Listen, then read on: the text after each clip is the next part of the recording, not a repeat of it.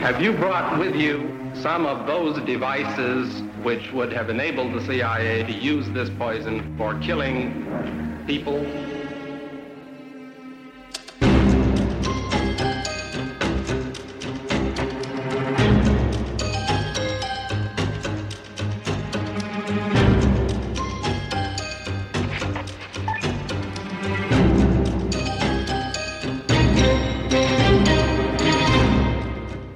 Han siger, at Lisbeth Palme står jo på pladsen, og han forsøger at få kontakt med hende. Og han siger, at hun er fuldstændig hysterisk. Øh, det siger han. Øh, og man kan ikke få kontakt med hende. Han prøver øh, flere gange, og først i tredje forsøg lykkes det. Der er der altså gået fem minutter, øh, hvor han har været på morpladsen, så vidt jeg kan forstå. Og der, det, det bliver, der bliver han også i rettesat af, af folk på centralt hold. Det er Anders Helin, som Anklageren. Ja, som siger til ham, øh, nej, hun var helt klar i hovedet.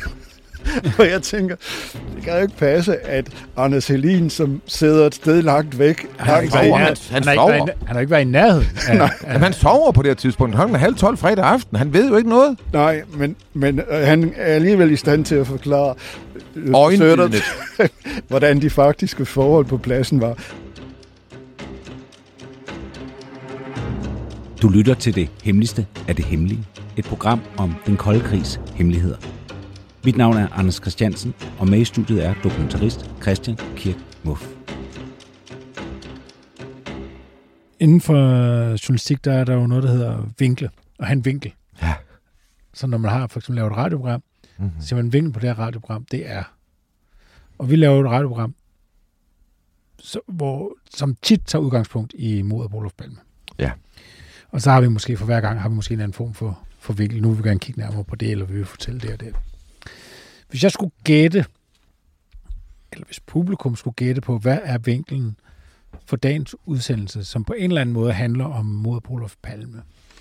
Hvor mange gæt skulle tusind mennesker have, for at de kunne gætte, hvilken vinkel, som og du er medansvarlig, altså har, har valgt, det her program skulle? Jamen, jamen, jeg synes jo kun et, for jeg synes, det er så logisk. Altså, det, jeg, det, jeg synes, det er, øh, det giver så meget mening og er helt logisk. Og, og øh, øh, lige om lidt, så siger vi velkommen til vores øh, gæst. Og, men, men jeg vil bare lige have, at lytterne skal være klar over, at det vi lidt begynder nu på, det er næste øh, etape i verdens største historie.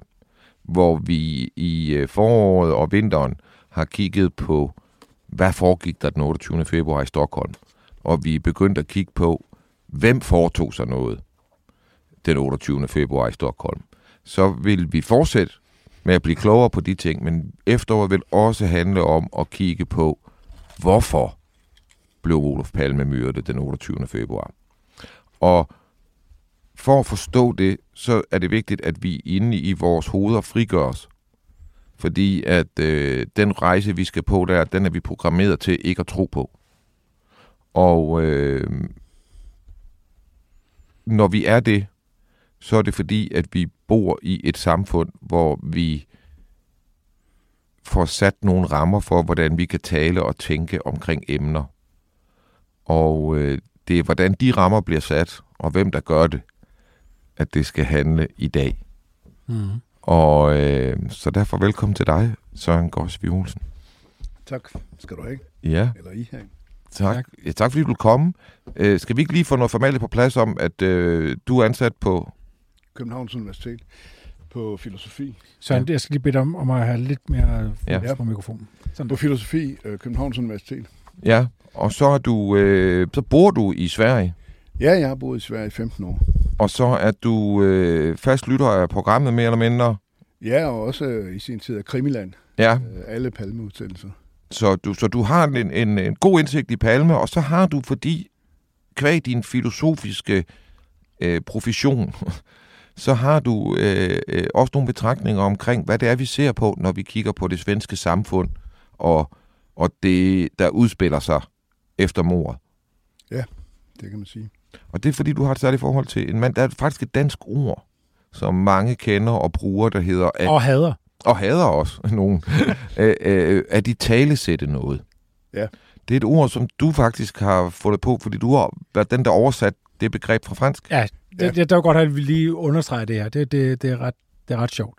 i talesætte har været i en del år et af de mest forhatte ord. For det er sådan, at man bruger, lad os i talesætte et eller andet, man, man bruger Mm. det. Og der er virkelig begyndt at komme modstand mod det her ord, for det er så papegøjesprogsagtigt. Det er så djøffet på en eller anden virkelig irriterende måde.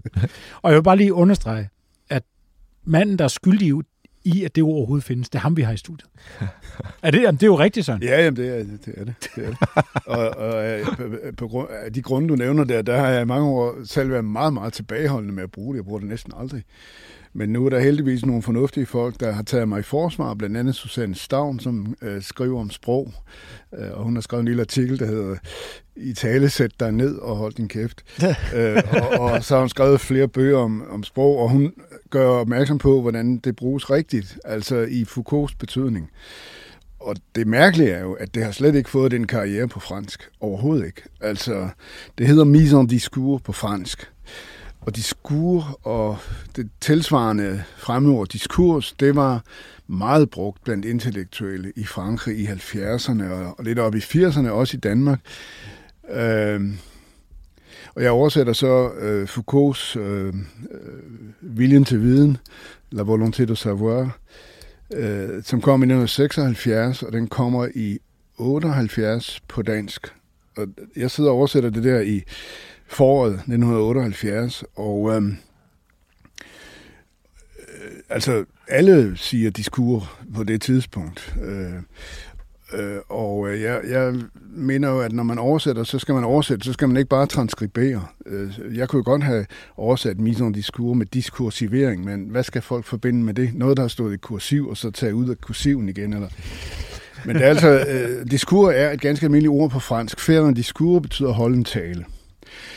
Øh, så på en eller anden måde, så skal der være en forbindelse, for ellers kan man ikke se, at når øh, Foucault skriver så meget om tale, øh, så handler det om det der diskursbegreb. Så jeg tænkte om mise en, en discours, det er jo ligesom mise en scène, det hedder iscenesættelse, mise en marche, det hedder igangsættelse, øh, mise en œuvre hedder iværksættelse. Så, så må mise en discours jo hedde italesættelse.